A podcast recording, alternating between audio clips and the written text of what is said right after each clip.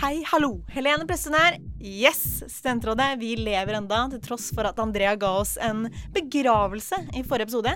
Vi skal tross alt holde på lite grann til. Og med meg i dag har jeg Andrea Krüger Ja. og Adrian Olsen. Yes, sir. Jeg klarer ikke la være å tenke at det er Adrian Olsen the Boss.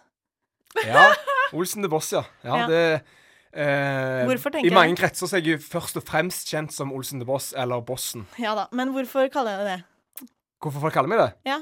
Nei, det ligger i navnet, da. Er sjef. Nei, men du har det. det er, Nei, jeg lagde det som Instagram og Snap-handle liksom når jeg lagde ja, det i faen, det er det der, ja. Ja. Fordi jeg har sånn tvangstanke. Adrian Olsen the Boss. Ja, men det må du bare ha fordi eh, til alle lyttere der ute, jeg er en jævla sjef. Ja. Det er litt kleint òg, men Men altså, skravla går, og det skal du gjøre i dag. Uh, som dere hører. Vi skal ha en litt sånn løssluppen sending i dag, hvor vi rett og slett skal bare prate om det vi har lyst til. Vi er lei av å løse deres problemer. Nei. Vi ønsker Hei, å løse du, våre du, egne. hei. Jo, men det er godt sagt. Vi er ikke lei av dis, men vi er på tide å slippe stjernene inn i spotlighten. Ja. Bare vent, vi skal ut av vårt vanlige format og inn i et nytt. Ja, det, det er flott, Andrea. Tusen, tusen takk for det innspillet. Setter pris på at du prøver å hjelpe meg her. Det er greit. Men eh, vi har jo nå i tre år forsøkt å hjelpe dere lyttere med vondter og vansker. Og det er jo Det tar på energi, ikke sant? Vi har ting å gjøre, vi er slitne. Og noen ganger så er det deilig å bare la skravla gå. Antyder du at studentrådet er utbrent? Vi begynner å bli litt utbrent. og det er derfor det er deilig å faktisk bare preike litt. Og Adrian, du har tatt av deg skjorta. Jeg har tatt av meg skjorta. Ja. Eh, først og fremst fordi at jeg svetter jævlig mye. Jeg blir jævlig varm når du ser på meg. Eh, og Au. for det andre så tenkte jeg det skulle lage litt sånn løssluppen stemning. Du sa vi skulle ha løssluppen tid. sant? Og jeg tenker hvis jeg flasher tits, så kan det være at andre gjør det òg. Ok, men Da tar jeg av meg buksen, da. Så Ja. er vi liksom Ja. Ja. Ja. Jeg får se deg. Herregud.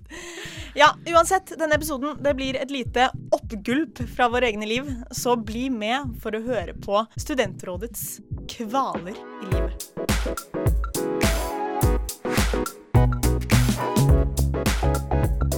Andrea, du har jo for en gangs skyld vært på fylla i en hverdag. Jeg har vært på fylla. Jeg har ikke drukket i en hverdag siden jeg begynte i vanlig jobb, fordi at jeg er livredd for å være bakfull på jobb. Men i går i går var dagen. Jeg skulle drikke litt vin ute i solen. En flaske blir til to, blir til en øl. Og hva skjer når man drikker? Jeg elsker Jo. hvordan du Sorry, men jeg bare elsker hvordan du danser med hoftene mens du snakker. Som du er liksom en 50 år gammel dame som er uh! Du er jo en 50 år gammel dame. ja, det var noe sånn Riesling i, i vårsolen. Uansett, det som skjer når man drikker, er jo at man blir hangover. Eller bakfull. Dagen er på. Kjært barn har mange navn. Vi har alle vært der. Man våkner klokken syv en morgen etter eh, sjenerøse mengder alkohol få timer i forveien. Hjertebanken den hopper ut av brystet ditt. Hodet det er for vondt til å engang tenke på å bevege seg. Og du, hvis du ikke får tak i vann snart, så holder du på å dø. Ikke sant? Ja, Det er gjenkjennelig. Very true. Men du skal jo på forelesning klokken åtte, og du må på den forelesningen. Det er oblig oppmøte, Eller du må i resepsjonen på NRK. eller du må i resepsjon på NRK. Og etter det da skal du på jobb. Du skal på deltidsjobben din eller fulltidsjobben din. Eller du må i hvert fall prestere som et normalt dødelig menneske hele dagen. Eller man må spise, crabsticks før man legger seg. Eller det. Problemet er da, hvordan skal man holde seg gjennom dagen? Og det siste vi vil, er å ligge paddeflat når denne pandemien er over, og når vi skal ut og feste.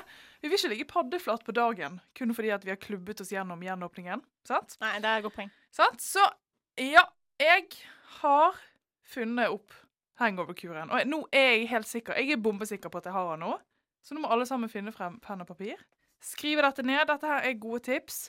Og jeg har så lyst til at noen skal prøve det og si hvordan det går. Fordi For meg i går det funket som en kule. Jeg har vært på jobb i dag. Sending nå, jeg skal på middag etterpå. Jeg kjenner ikke at jeg har drukket i går. Det høres seriøst ut som du har drukket for første gang i ditt liv. Og du har liksom hørt om denne velkjente hangoveren, og at den kommer til å bli så grusom. Men du opplevde det ikke. Men jeg har slitt sånn med det. Jeg er sikkert ikke aleine om det. Har Nei, dere også jeg, slitt med det? legit, jeg tåler ikke å drikke mer enn to øl. Jeg blir dritdårlig, Sant? liksom. Og det er jo, man begynner jo å komme til det punktet sånn Er det verdt det? Sant? Drikke? Ja, ja. Så nå, kjære lytter, skal jeg dra deg gjennom hele åtte regler. De åtte bud for hangoveren og dagen derpå. Som alle må følge. Fordi at det er her man kurerer hangoveren. Bud nummer én. Alt, og nå mener jeg alt, ligger i forberedelsene og gjennomførelsen. Det høres, Alt, alt ligger i alt. det, Forberedelse og gjennomførelsen. ja. det høres allerede sykt slitsomt ut. Men OK, hva er mest slitsomt? Å være hangover eller å faktisk kurere hangoveren? Nei, Vi får jo se da Ja, hva det, du sier. det, det. Og det jeg mener jeg at alt ligger i forberedelsene og gjennomføringen, er at med en gang du har fått hangover, så er det for seint. Alt ligger i hva du gjør før du drar på byen, hva du gjør når du er på byen, og hva du gjør før du legger deg. Så bud nummer to. Start med å spise ordentlig hele dagen før du skal drikke, og drikk masse vann hele dagen. Dere begynner allerede å sovne her nå. Jeg merker det på dere. Nei, nei, jeg, jeg er med på det. Ja. Men ofte så vil man gjerne ikke spise så mye fordi, Nei, man fordi man bli vil være fit. Nei, drit i det. man spiser gjerne ikke så mye fordi man blir enda mer full. Sant? Ikke sant? Men det kan man ikke gjøre det lenger, da. Nei, ikke Nei. når vi er voksen og dannede mennesker. Nå skal vi spise ordentlig, drikke masse vann hele dagen. Bud nummer tre. Når du begynner drikkingen, ha alltid et glass vann ved din side. Ser du en kran eller en flaske med vann, styrt den. Bare gjør det. Bare ikke tenk. Det er det samme som å ta en shot. Bare få det ned. Det hjelper så mye. Like fett som å ta en shot også. Ja, ja, men blir man ikke mer edru av det? Nei, Når man sitter og drikker masse vann? men vet du hva? Hvis du blir litt mer edru hver gang, så kan du drikke litt mer. Ja, true, Tenk litt på den. true, Tenk true. litt på den. Ja, og så samtidig så uh, Altså, jeg er ikke egentlig regelen at du på en måte har ett glass vann per enhet. Jo, Ikke sant? de Det er regel. Ja. Ingen følger den. Jeg har begynt å gjøre det. Det funker som en kule. Bud nummer fire. Rødvin kun til middag. Aldri på byen eller på fylla. OK? Den er velskreven. Fordi Det er jo som å be om å dø dagen etterpå. Er, Det er rødvin annerledes enn hvitvin, liksom? Ja, det Ja, er det er mer garvesyre, garvesyrer som gjør at du blir dårligere, eller tanniner. jeg vet ikke, det får ikke så mye. Resorb eller Bakis. Og for dere som ikke vet hva det er, så kjøper man Resorb, som er sånn dehydreringstabletter på apoteket. Sikkert sånn man skal bruke når man løper maraton, men å drikke et maraton. Det funker for en kule. Bakistabletter som man får kjøpt på Teknikkmagasinet Ja, ikke sant? eller russedress.no. Det funker som en kule, og dette skal man drikke to ganger i løpet av kvelden. Én midt i kvelden. Du styrter den med en flaske vann, og én når du kommer hjem og legger deg. Nummer seks. Vent med å legge deg til du ikke er på stigende rus. Og den er vanskelig, fordi at når man er full, så vil man ofte sove. Men det skal man ikke gjøre. Gå jeg heller en tur, som jeg gjorde i går. Da fant jeg ut klokken ni på kvelden. Nei, jeg er litt for brisen til å gå og legge meg, så jeg skal ut og gå på tur rundt Nordnes, for dere som er kjent i Bergen. Det vil si ganske midt i byen, for dere som ikke er kjent i Bergen. Og jeg gikk rundt og hoiet og klappet på katter og facetimet. Det så jo helt halloi ut, men det hjalp. Så Bud nummer syv. Når du våkner midt på natten i tretiden med et sjokk, bam! Du begynner å bli litt eh, Du er fortsatt veldig full, men du våkner liksom med hjertebank og er helt ute. Er det normalt å gjøre? Ja! Det sykeste jeg har hørt. Altså, jeg våkner alltid idet jeg blir edru. Okay. Midt på natten av At og det At til. liksom bare sånn Der var alkoholen ute. på en måte. Nei, Men er du dårlig da? Eh, nei, jeg sovner igjen, egentlig. Ja, OK. Det jeg pleier å Å gjøre. våkne med hjertebank midt på natta etter jeg har vært ute, det har jeg aldri hørt om. Det Men- hørtes- Kanskje jeg grusomt Kanskje jeg vet Jeg tror du galt. må tenke litt på det igjen mens du går videre. Sant? Tenk litt på det. sant? Uansett, da tar du en Paracet, og så legger du deg igjen. Wow. For et tips. Wow. I'm mind blown. Dagen derpå, altså bud nummer åtte, lat som ingenting. Sant? Der. sant? Ja. Man skal jo ikke vise det andre at man Nei. er svak. sant? Men, Det eh, man men nå var det mange punkter her, så jeg må innrømme at jeg falt litt ut. Men eh, altså, kort oppsummert så er det vann, og det er Paracet, Ja, og og, det er de eh, der eh, bakistablettene. er, ja. du, er du åpen for kritikk? For jeg og har, Veldig åpen for jeg kritikk. har OK. Uh, først da så har jeg sett uh, en sånn der TV 2-hjelper der der de prøvde alle disse bakfulle tablettene, og de dømte at alle, ingen av de funker. Ja. Ja, ja, men hva faen har det å si så lenge det funker med Altså, det er placeboeffekt. Det er jo Ja, Who the Ja, men, fuck ja, cares? Ikke men, ja, ødelagt men, hvis, placeboen for ja, Ja, men det, i hvert fall i Så nå har du basically ødelagt den tabletten for alle lytterne. Det kan godt være, men jeg vil ikke spre misinformasjon. Og så for det andre så er disse tipsene Jeg syns egentlig mange av dem er ganske bra, og jeg hadde fulgt det, jeg òg. Hvis det var sånn at når jeg skal befylle så er jeg hjemme til klokka ni og kan gå meg en tur. Problemet er når du er, har full av jobb da etterpå, er at klokka er fire på natta, og du skal opp om to timer. Det er det som er problemet. Ja. Så sånn, utenom det, Andy, så syns jeg egentlig det var en kanonidé. ja det, her, det er jo bygd for eh, pandemitiden. Men jeg tenker Eller Adrian, Andrea Kruger, bygd for andre. men Adrian, vi må på en måte bare Vi må, vi må si nå til Andrea at ikke sant? dette er kjempelurt, og dette må hun Oi. fortsette med. Fordi så lenge hun tror på det, så kommer hun til å fortsette å være med på fylla. Sånn at hun ikke blir liksom avholdsjent som hun har vært i et år, fordi hun tror at hun ikke tåler alkohol. ikke sant? Sant? Nå har, Sier støttekontaktene i studentrådet. ja, nå har Andrea funnet kuren, hun er back on track, og da er vi kjempeglade på dine vegne, Andrea. Så tar vi og skåler med en kopp med bakis og vann. Skål, folkens. Skål! Skål! Vi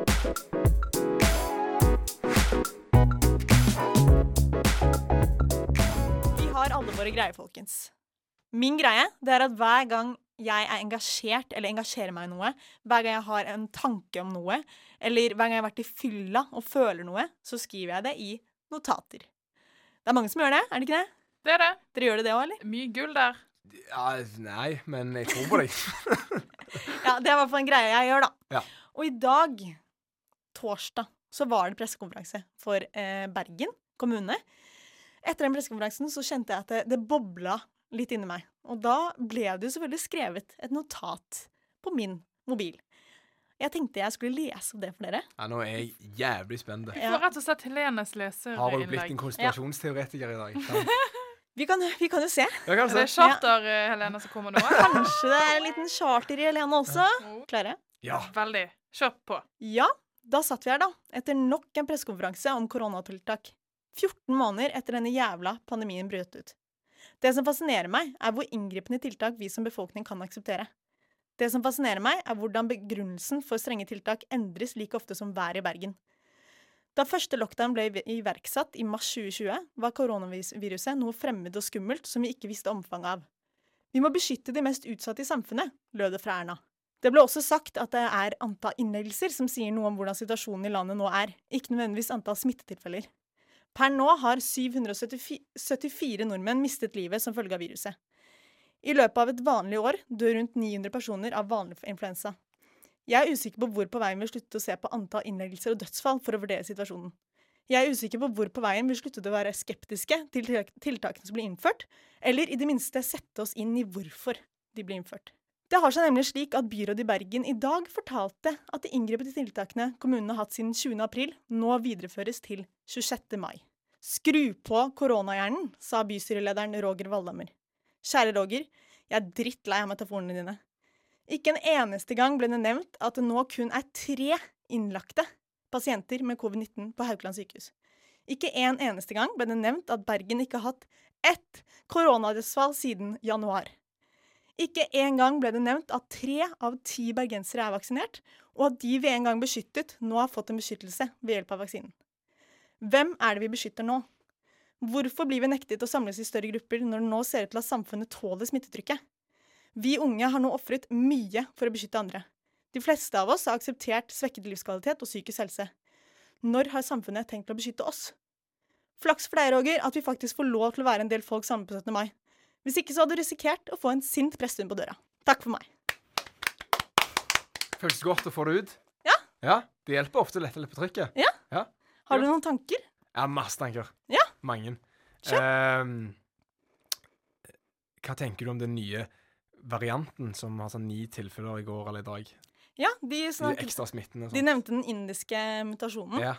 Den har skjedd eh, på En av lokalene til den har skjedd i Bergen. Ja. Og de har nå sagt at eh, de har fullstendig kontroll over det utbruddet. Og alle som er eventuelt utsatt for eh, den smitten, er i karantene.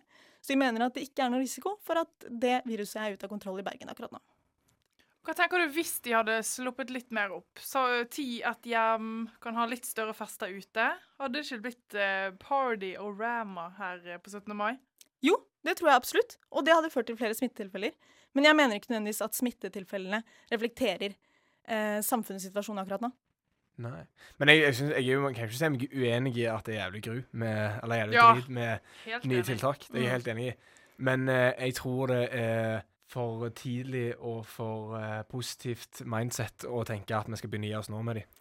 Ja, og det, og forstå meg rett, jeg mener ikke at eh, vi ikke skal ha tiltak. Det er fortsatt nasjonale tiltak. Men jeg har lenge vært frustrert over at det har, det har vært så tabu å på en måte skulle sitte, stelle seg kritisk da, til tiltakene som er. Fordi vi må akseptere det. For hvis man ikke aksepterer det, så tror man ikke på korona. Eller sånn som du sa i stad, jeg er en konspirasjonsteoretiker. Ja. Man er ikke nødvendigvis Altså, skepsis er noe av det viktigste vi Ja. har i samfunnet, liksom. For man skal være skeptiske. Og jeg er litt skeptisk nå, fordi jeg syns ikke at de inngripende tiltakene, som går aller mest utover oss unge, er rimelige. Fordi sånn som nå, så er jo liksom restauranter og barer åpne. Og det er jo tilbud som funker for mennesker som er etablerte, har litt mer penger. Så de det går hardest utover når de innstrammer på, i private hjem, er ensomme studenter. Som nå viser at de sliter som faen psykisk. Helt enig. Og sånn med eh, de, For de som studerer i Bergen, og jeg vet at de har hatt det i Oslo lenge også, men nå begynte de med et sånn nytt bookingsystem på lesesalen, Mm. som gjør at eh, eh, det basically ikke er ledige plasser noen gang lenger, for folk booker, og så bruker de det ikke, og sånne ting. Så det, så det er ikke mer leseplasser til studentene. Eh, og det er jo et, in, uh, et inngrip i livet som bare sånn Ja, det suger jævlig faen. Mm. Men så går du ned i byen, så ser du at folk sitter syv stykker rundt et bord uh, på Peppers Pizza, liksom, Mm. og drikker øl i, og klemmer hverandre. Mm. Klart, jeg er jævlig enig i det. Så Mm. det, jeg støtter deg 100 Og jeg, jeg kaller ikke en teoretiker, selv om jeg har jævlig lyst til å si det.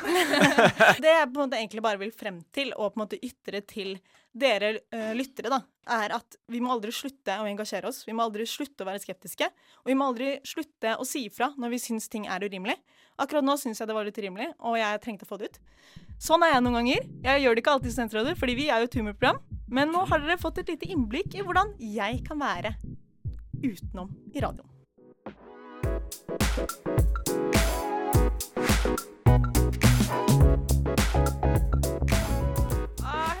Brenn det munnbindet, da. Vær så snill. Det er litt flaut. Ja, det er faktisk viktig for meg å bare understreke at det er ikke sånn at jeg er imot koronatiltak. Og de tiltakene vi har nasjonalt nå, jeg forstår det veldig godt. Og vi skal fortsette med munnbind og avstand og testing og alt som er. Men man må få lov til å stille en spørsmål til. Helene, gidder du bare se litt på mobilen din? Hva som har skjedd i eh, chatten mellom studentrådet? Ja, da har Adrian eh, gitt meg kallenavnet Chartersvein. Takk for meg. Takk for meg. Ja, vet du hva, greit, jeg tar den. Jeg tar den. Jeg, jeg stiller spørsmål, jeg blir jævelen. Det er greit. Kjeller. Definisjon 1. Den underste etasjen på et bygg. Kjeller. Definisjon 2. Noe drit som skjer deg. Synonym. Bånn i bøtta, nedsig og rock bottom. Mekke hadde fast felle. Kjeller. Roomie stjeler mat.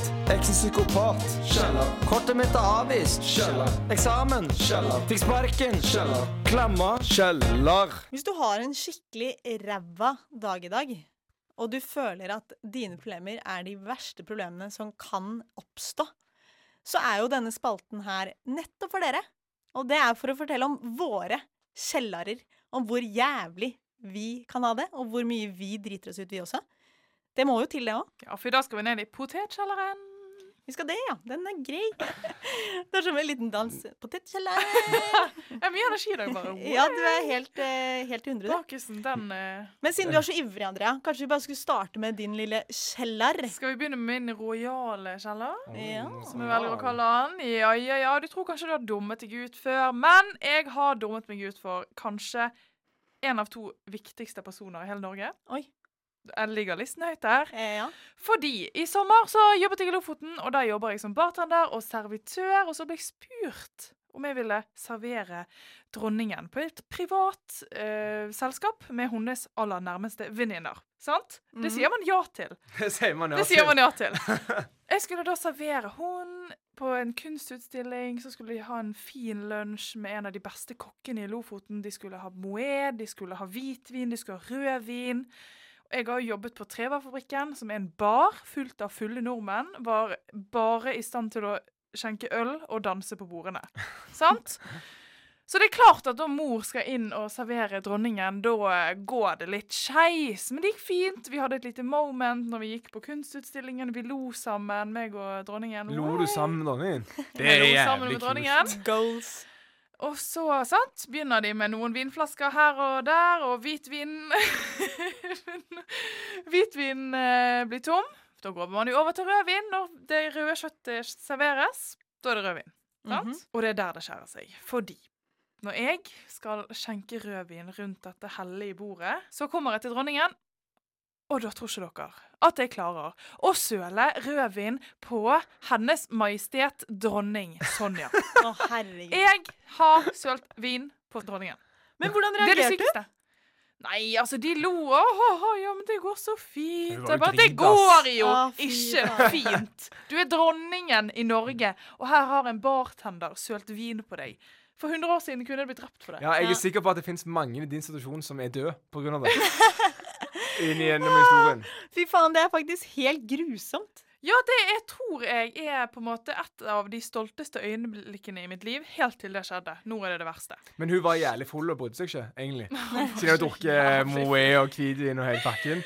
Er det derfor hun snakker så utrolig sånn her? Ja, ja. Ja. Du er alltid dritt, altså. Jeg har vært grann enn jeg var dronning. Faen, altså, bare er. Ja. Dronningen er det sykeste jeg har opplevd i hele mitt liv. Ja, var det? For en aura hun har. Du, du har snakket med henne, liksom. Det er ganske sykt. Jeg har snakket med henne. Vi har ledd sammen. Det er så sykt, fy faen. Det er jo egentlig en, en win i en kjeller. Det er det. Loft i en kjeller. Jeg tenker at du bare burde prøve å på en måte Bare stryk den delen hvor du på en måte sølte på henne, og så kan du tenke på den tiden før, og at, du enk at hun egentlig liker deg veldig godt, ikke sant? Det er det jeg prøver å tenke på. Men det er klart at det er en av kjellere som har eh, brent seg fast i mitt minne, og som ikke kommer til å gi slipp helt ennå.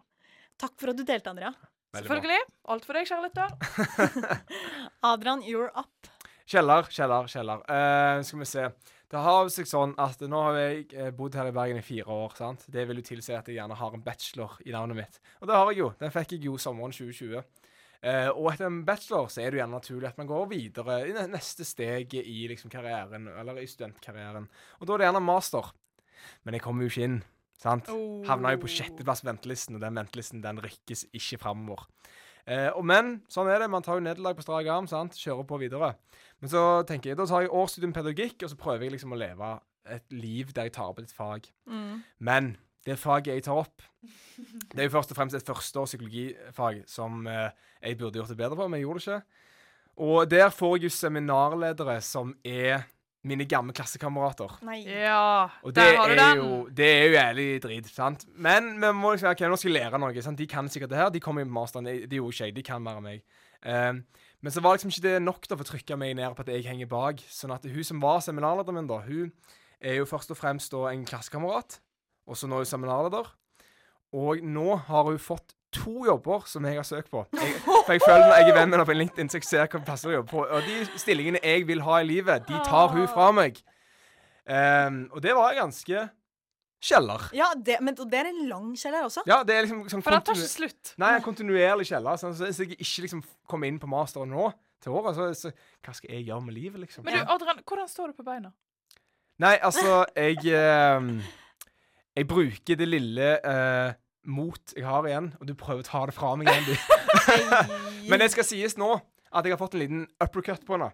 Ikke at jeg hater henne, jeg elsker henne, vi er gode venner. Men jeg skal jo starte en ny podkast, folkens. Hey! sommeren. Og eh, den podkasten er jo betalt av sammen, så det er jo faktisk en betalt podkastjobb. Studentskipnaden i Bergen. Og vet du hvem som jobber i Studentskipnaden i Bergen, som er på en innstilling som jeg har søkt på tidligere? Nei. Seminarlederen min, som er kollegaer kollega nå. Hey, happy ending! Så det var det gøy å endelig liksom komme, komme litt på nivå. Ja, det, det ordner seg Det pleier å ordne seg. Men det er jo liksom motivasjonsboost for de som har opplevd litt motgang. da. At det, det kommer til å ordne seg. Og jeg tenker at det, det kan faktisk hjelpe meg litt eh, med den kjelleren jeg har. Oi, oi, oi. oi. Få høre her, Intertwined kjellerhistorier. Mm -hmm. Ja, nei, altså den kjelleren her, eh, den, den sitter fortsatt litt i magen, liksom. Og det er et år siden. Det er et år siden, og det sitter fortsatt litt i magen. Det har seg nemlig slik at eh, for et, ja, litt over et år siden da, så søkte jeg på en sommerjobb innen radio, som jeg tenkte det hadde vært dritfett, ikke sant? Eh, tenkte aldri at jeg kom til å få den, men gjorde det for moro skyld. Sendte en video, sendte søknadsbrev. Tenkte ikke noe særlig mer på det. Plutselig så fikk jeg beskjed om at jeg var videre, og jeg skulle svare på noen spørsmål i et videointervju. Så tenkte jeg wow, det er jo dritfett å komme videre, men ja, jeg har ikke sjans. Kan jo gjøre det likevel, liksom. Sendte inn det, og så blir jeg ringt, og så får jeg beskjed om at jeg har kommet videre til siste runde. Wow! Og jeg var bare sånn I all verden! Det er jo umulig, på en måte. Eh, og så sier han på en måte sånn Ja, nei, det her er ikke, du må ikke tenke at dette blir noe intervju. Vi skal bare ha en casual samtale om deg og ditt liv og liksom bli litt kjent med hverandre, da. Så du kan du bli litt kjent med oss. Det tok jeg bokstavelig. Det skulle jeg ikke tatt bokstavelig. Oi, oi, oi. Så det jeg gjorde, var at jeg Altså, det, jeg forberedte meg jo. Uh, men jeg prøvde hele tiden å tenke slapp av, det her blir en casual samtale. Jeg trenger ikke forberede så mye. Det intervjuet er det vanskeligste intervjuet jeg har vært med på i mitt liv, og jeg har aldri levert så ræva noen gang. få høre, få høre. Nei, altså, du kan jo bare tenke deg alle de der advarslene du har fått da, om man, hva man skal gjøre og ikke gjøre på intervju. Mm. Jeg valgte feil liste. To do and not to do, og Ja. du valgte not to do. Yes. Ja. Så eh, jeg eh, For det første så er det jo på Zoom, og det var akkurat da Zoom hadde begynt. holdt på å si. Vi hadde nesten ikke noe kjennskap til å ha videosamtale. Så det er jo kunstig og dritt i utgangspunktet. sant? Og så bare fra første spørsmål så bare fikk jeg aldri flyten. Jeg klarte aldri å svare Jeg, jeg føler seriøst at jeg ikke klarte å svare godt for meg på et eneste spørsmål. Jeg ble satt ut av alle spørsmålene. Jeg, eh, jeg liksom Når, når de eksempel spurte om svake sider, da, så sa jeg at jeg var en veldig bekymra person og mye engstelig av meg. Mm, nevrotisk. Så jo på de at de, de tok det veldig bokstavelig og tenkte OK, den dama her er veldig nevrotisk. Så spør de meg om jeg noen gang har gjort noe kriminelt. Og jeg blir så satt ut av det at jeg sier bare nei. Nei. Det har jeg ikke. Men det har du jo. Ja, og det er klart at jeg hørtes ut som verdens mest edru person. For jeg var litt sånn derre Nei, jeg, eh, nei, jeg gjør aldri noe gærent. det til forfølges. Ja, litt sånn derre Hilsen tante Ruth. ja. Og så spurte de om jeg hadde noen kule ideer, og det har jeg masse men det sto helt stille. Klarte ikke å få ut en dritt. De spurte ja, er det noe spesielt du engasjerer deg for, da? Og som dere har forstått bare på denne sendingen her, jeg engasjerer meg for mye. Det eneste jeg klarte å prestere å si, var ja, jeg engasjerer meg jo for klima og sånn. Klima og sånn. Altså, herregud, så grusomt det intervjuet gikk. Og det har forfulgt meg siden. Jeg fikk selvfølgelig ikke den jobben om Nei. det skulle være uklart. Det om det. Så aldri har jeg vært nærmere en drømmejobb, og det gikk jo til helvete. Så eh, bare tenk på det hvis du ikke får jobb neste gang. Dette er Det, intet mindre enn fascinerende. At du kan bomme på hvert eneste spørsmål. ja, og så er liksom Jeg er egentlig ganske god på intervju.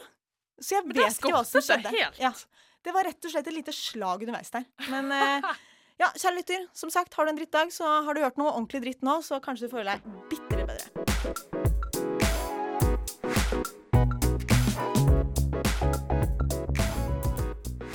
Til tross for at eh, jeg ble ganske forbanna på eh, Bergen kommune i dag, så lettet de jo heldigvis litt på tiltakene som skal være på 17. mai. Nå er det faktisk lov til å være 20 personer utendørs, folkens. Det er ikke verst. Det er ganske digg. Og nå er det bare noen dager igjen til 17. mai, så jeg tenkte la oss chatte litt om det. Hva er deres planer? Hvordan skal dere løse nasjonaldagen i år? Du, jeg skal hjem på fredag. Mhm. Eller når denne episoden kommer ut, så er det jo fredag. Um, jeg skal hjem til Stavanger. Eh, først være litt med familien på hytta, og så skal jeg forhåpentligvis, eh, om vi får det til, ha en vennegjeng i et langbord i en hage. Håper været står til spille. Det er jo Stavanger, så man kan jo tvile på det. Men det er iallfall planen. Deilig. Hva med deg, Andrea? Jeg skal sikkert henge på baren i mitt hjerte, Legal, som er her i Bergen. Bitte, bitte liten bar. Den er så liten at jeg er usikker på om den får være åpen. Jeg vet ingenting. Utenom det så vet jeg ikke. 17. mai er liksom favorittdagen min, og nå når den blir frarøvet oss, så er jeg litt usikker. Jeg vet ikke. Men blir det bunad? Det blir bunad. Og Bunad må blir så sykt Blir det pulnad? Det blir ikke Det er lov å håpe. Ja, det er lov. Jeg krysser fingrene. Mulighetene er der fortsatt. Nei, nei, nei. nei. Helene, hva skal du gjøre, da? Eh, jeg skal spise frokost med kollektivet, møte klassegjengen i bakgården til venninna mi. Så nå går det liksom an å være folk ute. Så det må jo skje. Og Det så er chill. og så skal jeg ha på meg bunad. Eh, jeg elsker 17. mai. Altså, jeg elsker den dagen. Det Det er er, den beste dagen i verden. Og folk er så glad, folk smiler, folk er flotte og fine og freide i finstasen. Jeg elsker det. Og folk er fulle. Folk er fulle, og man kan bli brisen fra frokosten av. Ja, det er herlig. Eh, Drikker dere alltid Prosecco til frokost? Alltid. Jeg tror ikke jeg har gjort det alltid, men mange ganger. Hva drikker du? Øl? Nei, men sånn, jeg er ikke så glad i bobler. Sant? Det har jeg aldri likt. Så hvis, hvis jeg drikker det, så er det med Moses, altså med appelsinjuice. Ja, for det vurderer jeg i år, for jeg er faktisk ikke så veldig glad i bobler. Nei, jeg Det forstår er det beste som fins. Det smaker drit. Det smaker beiskt og Men Andrea, du som har blitt ekspert på å drikke eh, om dagen, har du noen Ja. tips til hvordan man skal holde liksom, rusen gående jevnt hele dagen? Ja, men dere har jo allerede vært inne på det. Mimosa og vann. Og så øker øke inntaket jevnlig utover dagen. Mm. Og ta pause hvis du må. Drikk brus. Masse Ja. vann. Det er veldig edru tips, men det funker. Bare stol på meg, og gjerne gi oss beskjed hvis du prøver. Ja, jeg har tenkt å ta en annen rute, da. Jeg har tenkt å bli jævlig dritas Selvfølgelig er det. ganske tidlig på dagen. Og så sånn at når klokka er syv-åtte på kvelden, så begynner jeg å, å begynne kjenne at nå er jeg inne i mine siste timer. Mm. Så drikker jeg meg opp igjen, Mm. Og så er jeg hjemme halv elleve. Og så har jeg ikke en helt jævlig dag etterpå, for jeg har sovet sånn tolv timer. Oh. Det høres ut som en god plan, men jeg må si at eh, min erfaring er å Altså, på 17. mai så kan man på en måte ikke bli dritas i løpet av dagen. Du må holde liksom den perfekte rusen. Ja, for som det bare- skjer alltid noe, liksom. Ja, altså Du må bare drikke jevnt hele dagen. Ikke tenk sånn 'faen, om jeg drikker mer'. Du må tenke 'er jeg i godt humør'? Ja, det er jeg. Da har jeg oppnådd det jeg vil. Hold det gående. Ikke sant? For da blir dagen lengst mulig. Man vil jo at timene skal telle. Hver eneste, hvert eneste minutt Ja, skal Vi telle. har jo alle opplevd å drikkes for dritas på 17. mai, har vi ikke det, Andrea? Har, Nei. har du en negativ om. opplevelse med 17. mai? Bare sånn helt tilfeldig. Nei, hva snakker du om? Jo, det, jo, jeg gikk på en smell i fjor. Jeg skal ærlig innrømme det. Det gjorde jeg. Jeg presterte da å våkne opp Å, jeg kan ikke tro at du sier dette. Midt i Bergen by, på gaten. Mm, I bunad. Altså sånn Dagen på gaten, Ja. gaten, gaten, sånn Mm, på eh, Fortauet. Ja. Har du sovet i bunad ja. På gaten. Gjennom natten? Ja. Og ingen, ingen, ingen snakker med deg? Jo, så kommer det en fyr bort til meg og er sånn Hei, hallo, hallo, lever du? Eh, du må hjem! Hjelp! Eh, og så fulgte han meg hjem. Og så våkner jeg opp mange timer seinere i sengen min med bunad. Jeg ligger som en planke på sengen og bare sånn I bunad. Å, herregud. Det er det sykeste jeg har han, Ja, ja. Men apropos det, det er eh, faktisk utrolig Altså, Jeg vil anbefale å gå en liten tur 18. mai og bare se på alle som går The Walk of. Shame i bunad, eller som ligger og sover på gaten i bunad. Har ikke dere gått på en smell på 17. mai? Jo, jo, man går jo på en måte Altså, jeg føler jo alltid at det kommer, det, man kommer til et punkt hvor man tenker at nå er det jævlig usjarmerende at jeg har på meg den bunaden her. Fordi ja. jeg er for beruset. Jeg, eh, man burde gjerne skifte i løpet av Ja, kvelden. liksom, og det blir så harry å sitte Ja, er beruset i bunad. Det er ikke lov, liksom. Men, Men vi gjør det jo. Jeg har ingen sånn spesielle sånn smeller eller sånn verdens verste 17. mai, fordi at alle 17. mai er, er ganske like. Ja. Jeg blir for full. Jeg spyr gjerne.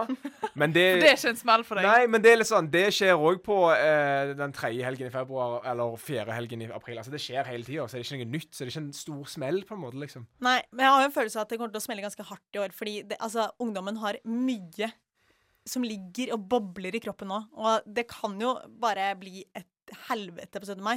Så eh, vi må jo på en måte prøve å holde oss litt i hengslene, da. Ja. Kan ikke ta helt av. Det Nei. blir jo litt annerledes 17. mai. Det, Det gjør det, og mest sannsynlig så Altså, det er mindre folk per plass, men det er mer eksplosivitet i alle personene. sant? Oh, ja, ikke sant. Små eksplosjoner overalt. sant? Ja. Uff, Og sånn som, sånn som eh, byrådslederen eh, sa i dag, kvalitet fremfor kvantitet. Velg ut gode mennesker, og drikk nå og kos deg. Altså, på, Bare på prinsipp så er jeg alltid uenig i kvalitet over kvantitet. Uansett hva det gjelder. Altså, Ja. Da, antall sexpartnere, Nei, antall nei, nei, venner nei, nei, nei. Kvantitet er alltid bedre enn kvalitet. Får håpe, eh, håpe at du får pulle litt ræva på 17. mai. Da. Jeg håper òg det. I bunad? Nei, uff. Jeg òg håper det. Nei. Sant? Det får være målet. Det er, det er alltid målet. Ja, vi skal kose oss, da. Vi skal Pulnad. det.